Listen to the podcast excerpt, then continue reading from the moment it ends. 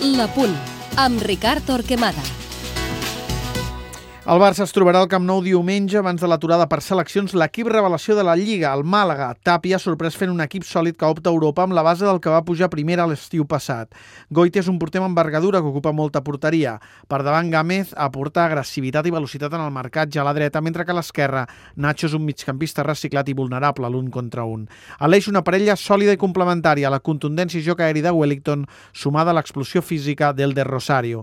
A la distribució ha trobat química en la parella Aponyo-Lolo Lolo. El primer dona sentit comú i pausa a la distribució i el segon, un central reconvertit, guarda la posició per oferir equilibri. A les bandes, la velocitat, canvi de ritme i profunditat d'Eliseu per la dreta i la delicadesa futbolística i precisió matemàtica en la centrada de Duda per l'esquerra.